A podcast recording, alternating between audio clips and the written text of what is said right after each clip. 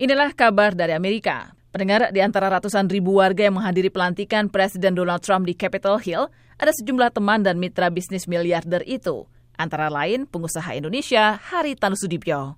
Presiden Komisioner Media Nusantara Citra atau MNC yang membawahi empat stasiun televisi berskala nasional itu mengatakan kalau ia diundang untuk mengikuti seluruh acara – mulai dari konser hingga pesta pelantikan. Tentunya saya diundang dalam kapasitas sebagai partner ya. Karena ada proyek yang sama-sama kita kerjakan di Bogor dan di Bali. Acara apa saja Bapak ikuti selama ada di edisi?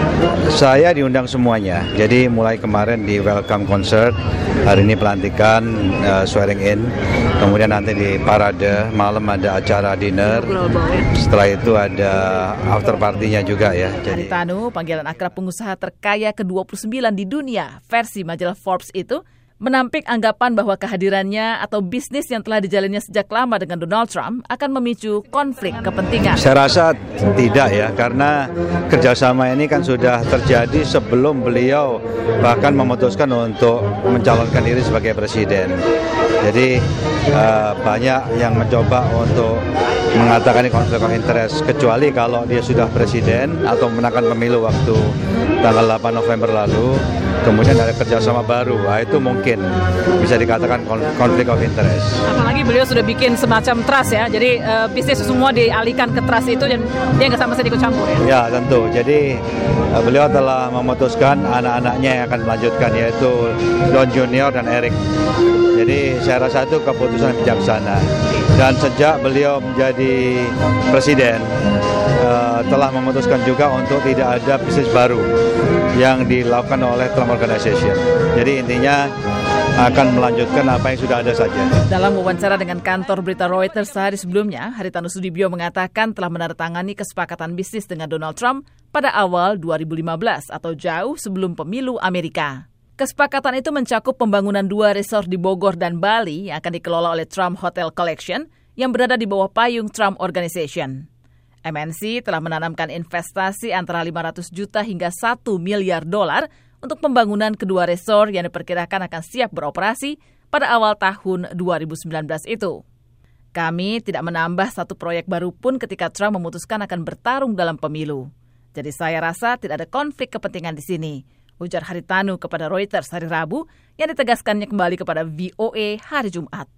Selain berbisnis, Haritanu Sudibyo juga terjun ke dunia politik. Ia pernah bergabung dengan Partai Nasdem pada Oktober 2011 sebelum mengundurkan diri dua tahun kemudian karena perbedaan pandangan mengenai struktur kepengurusan partai. Ia kemudian sempat menjadi anggota Partai Hanura dan berpasangan dengan Wiranto sebagai calon wakil presiden pada pemilu tahun 2014. Namun setahun kemudian, tepatnya pada 7 Februari 2015, pengusaha ini mengumumkan partai politik baru, yaitu Partai Persatuan Indonesia atau Perindo. Meskipun memiliki pengalaman bisnis dan politik yang cukup lengkap, Haritanu mengatakan masih terlalu pagi untuk memutuskan apakah ia akan kembali ikut bertarung pada pemilu 2019 atau tidak. Begini, Indonesia perlu seorang pemimpin yang bisa menyelesaikan masalah, mengerti masalah dan betul-betul bisa memberikan solusi. Itu yang dibutuhkan Indonesia. Solusi itu artinya bagaimana ekonomi kita bisa tumbuh jauh lebih baik lagi, tapi pada saat bersamaan tidak menciptakan kesenjangan sosial, malah mempersempit kesenjangan sosial. Jadi artinya masyarakat bawah itu bisa terangkat kesejahteraannya.